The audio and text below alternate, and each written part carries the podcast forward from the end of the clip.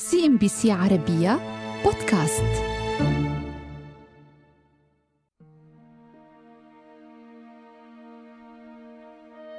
هل فكرت ذات يوم من أين جاءت فكرة النقود؟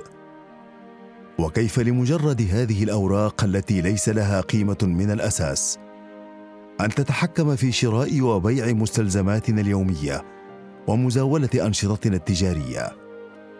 وكيف أصبحت بهذه الأهمية الكبيرة والقوة العظيمة والتي أدت إلى نشأة البنوك لتقوم بحفظها وتسويقها واعتمادها.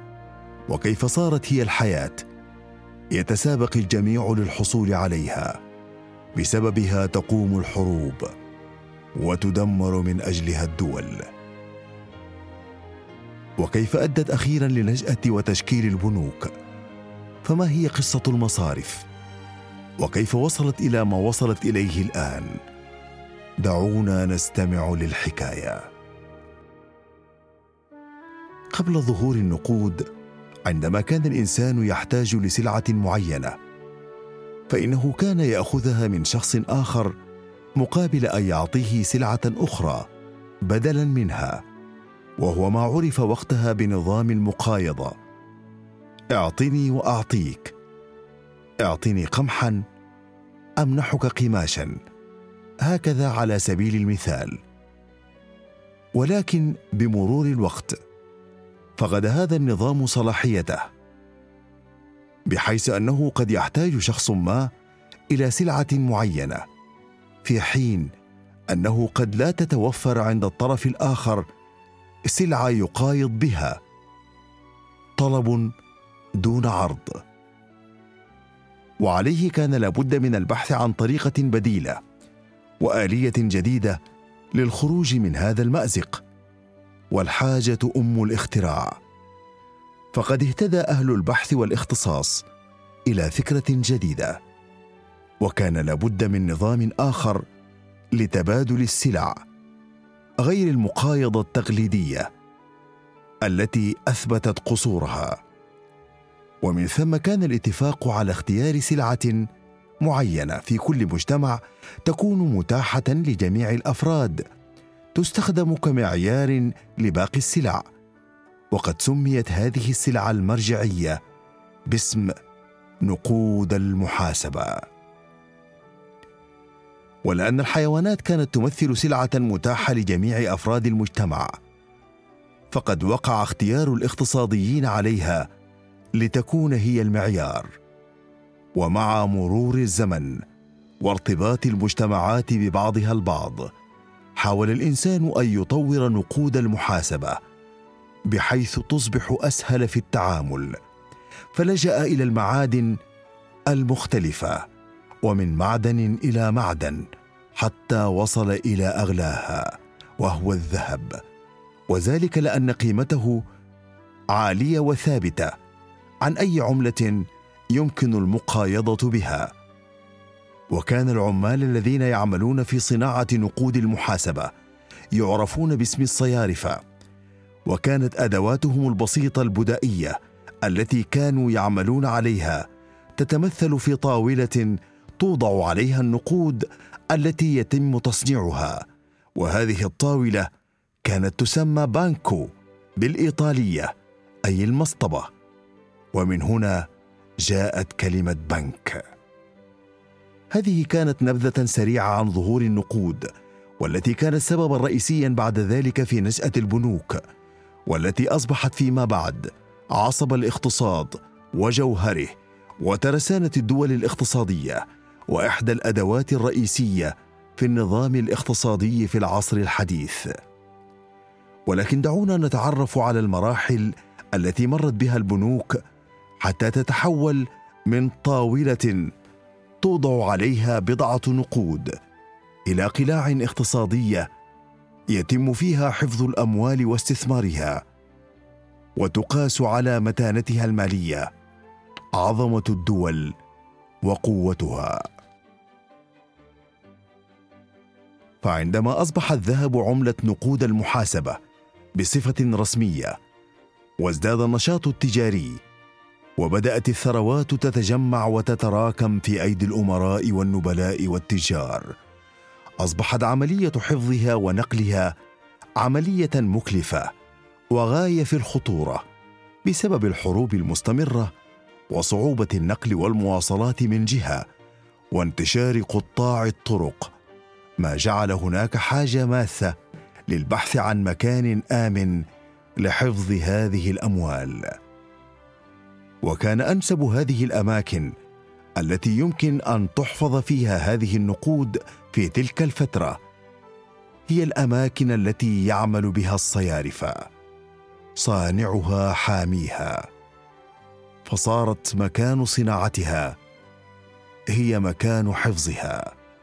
مقابل الحصول على أجر بسيط لتقديم هذه الخدمة من قبل الصيارفه ولكن الصيارفه سرعان ما اكتشفوا أن هذه النقود تمثل عبئا عليهم. لكنهم في المقابل اكتشفوا اكتشافا مثيرا. وجدوا أن لا أحد من الأغنياء كان يطلب أمواله التي كانت تحفظ لديهم بل كانوا يضيفون عليها الأموال. يا للهول! ومع مرور الوقت والتجربة أصبح لدى الصيارفه الخبره والمعرفة عن مطالب الأمراء والنبلاء والتجار من هذه النقود في العام ورأوا أن كل المبالغ التي طلبها الأمراء والنبلاء في السنة لا تزيد عن عشرة في المئة. لقد اكتشفوا السر.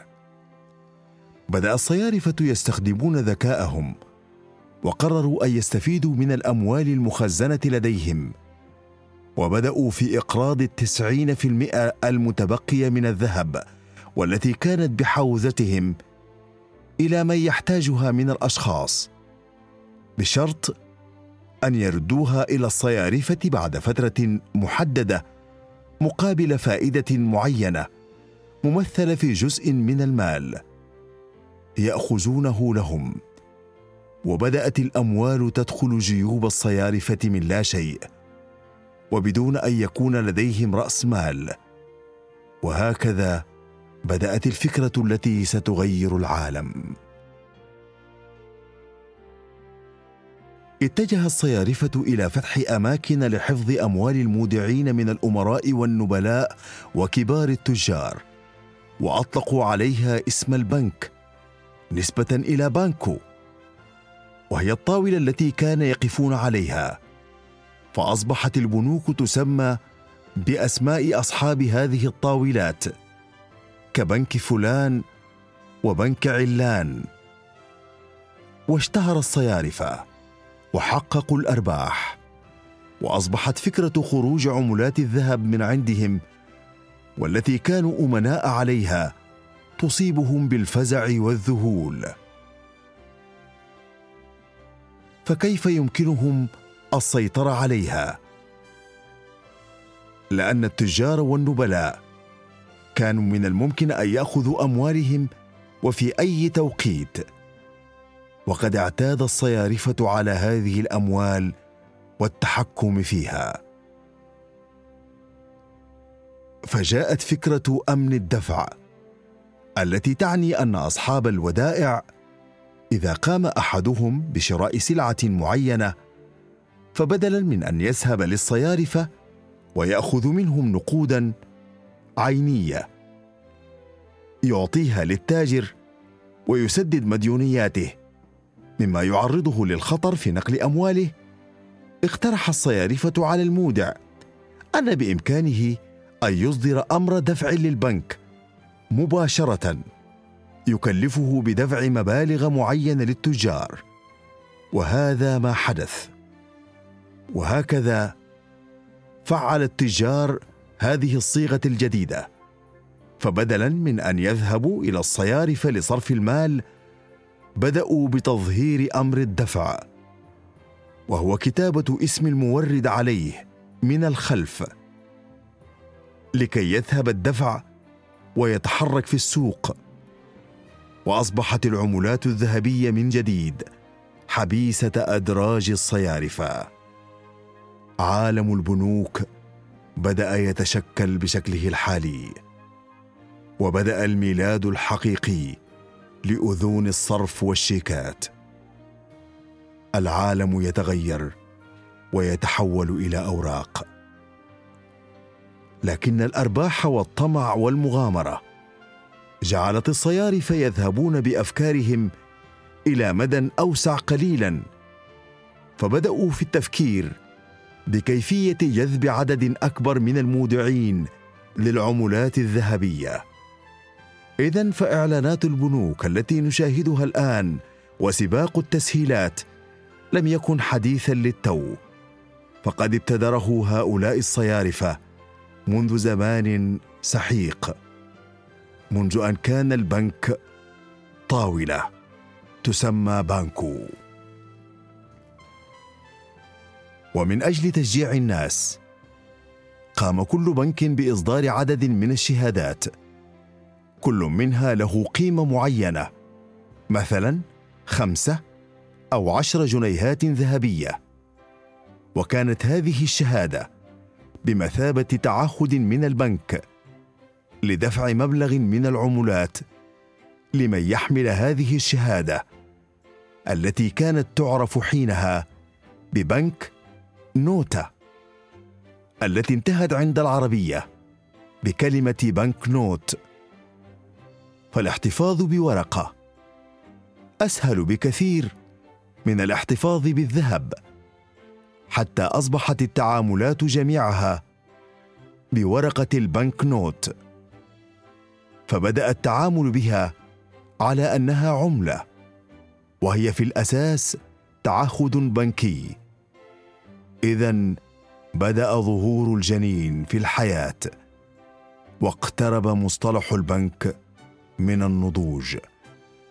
واستمر هذا الوضع إلى الحرب العالمية الأولى وهذه المرحلة كانت خطيرة وحساسة لأن القيمة الحقيقية للنقود المتمثله في الذهب أصبحت بيد الصيارفة والقيمة الوهمية الأخرى بيد الملاك الأصليين للذهب. حتى بدأت تطورات أخرى فانتقلوا من إقراض الأفراد إلى إقراض الحكومات والدول والطموح على السيطرة على مفاصل الاقتصاد العالمي. وكانت منتجات هذه المرحلة. أن انتقلت البنوك من مجرد أماكن لحفظ أموال الأثرياء إلى مراكز تجارية لكل محاور النشاط التجاري. والذي أصبح شبكة لا يمكن لأي تاجر الهروب منها. بدأت البنوك تصدر شيكات لتسهيل عمل المودعين. وهذه الشيكات مع البنك نوت كونت منظومة ورقية أمنتهم تماما وحاجتهم من الذهب. أعلنت البنوك عن منح الفوائد لمن يودع لديها اموالا لمدة معينة مما جعل شريحة جديدة من العملاء تزيد حيث أن الفرق بين الوديعة وفائدة القرض هو ربح البنك.